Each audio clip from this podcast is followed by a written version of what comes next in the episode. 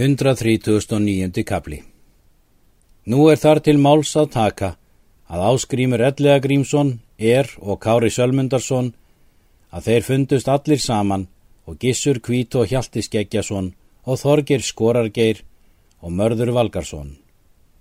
Áskrímur tók þá til orða. Ekki þarf þetta í hljóðmæla að færa því að þeir einir menn eru hér nú við, er hver veit annars trúnað. Vil ég nú spyrja yður ef þér viti nokkuð til ráðagerðar þeirra flosa. Sýnis mér sem við er munum verða að gera ráðvort í annan stað. Gísur kvíti svarar.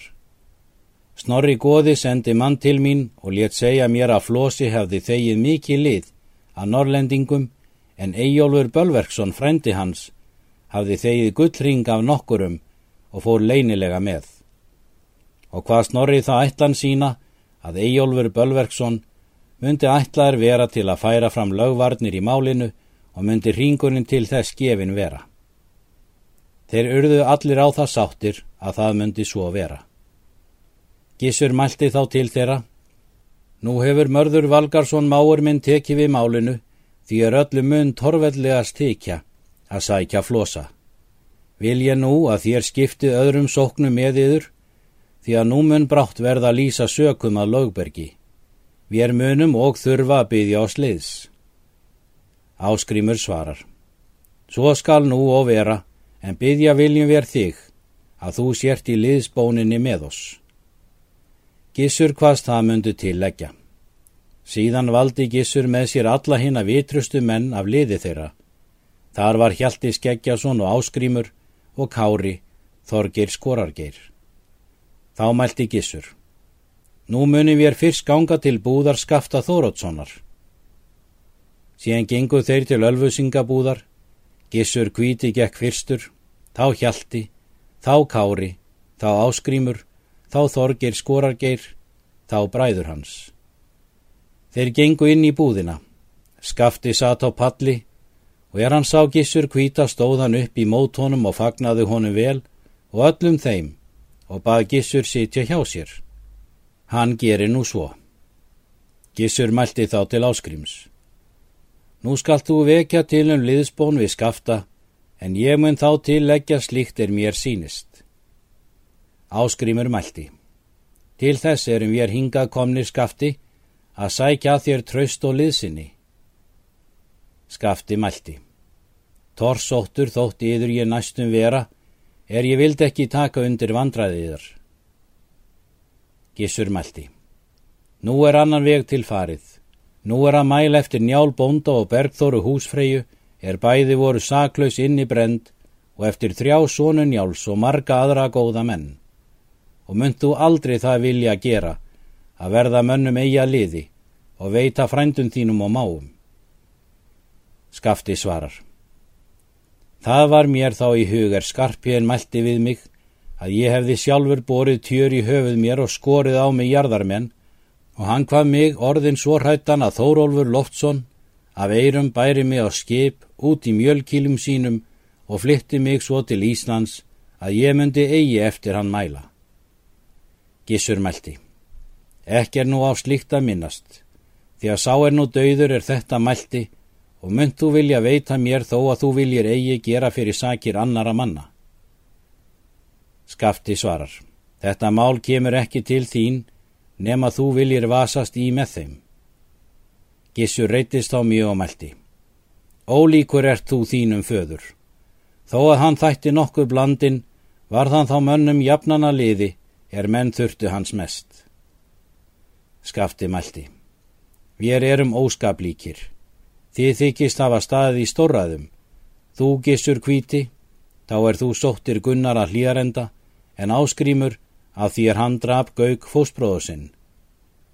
Áskrímur svarar.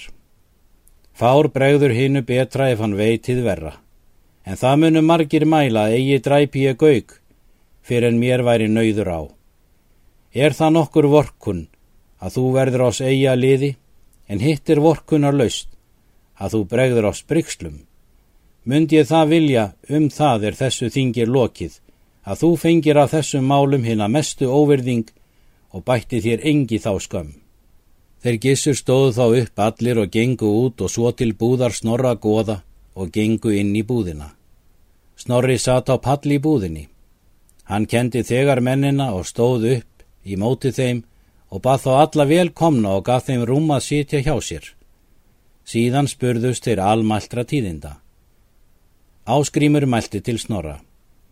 Til þess erum við gissur frænduminn komnir hingað að byggja þig liðveslu.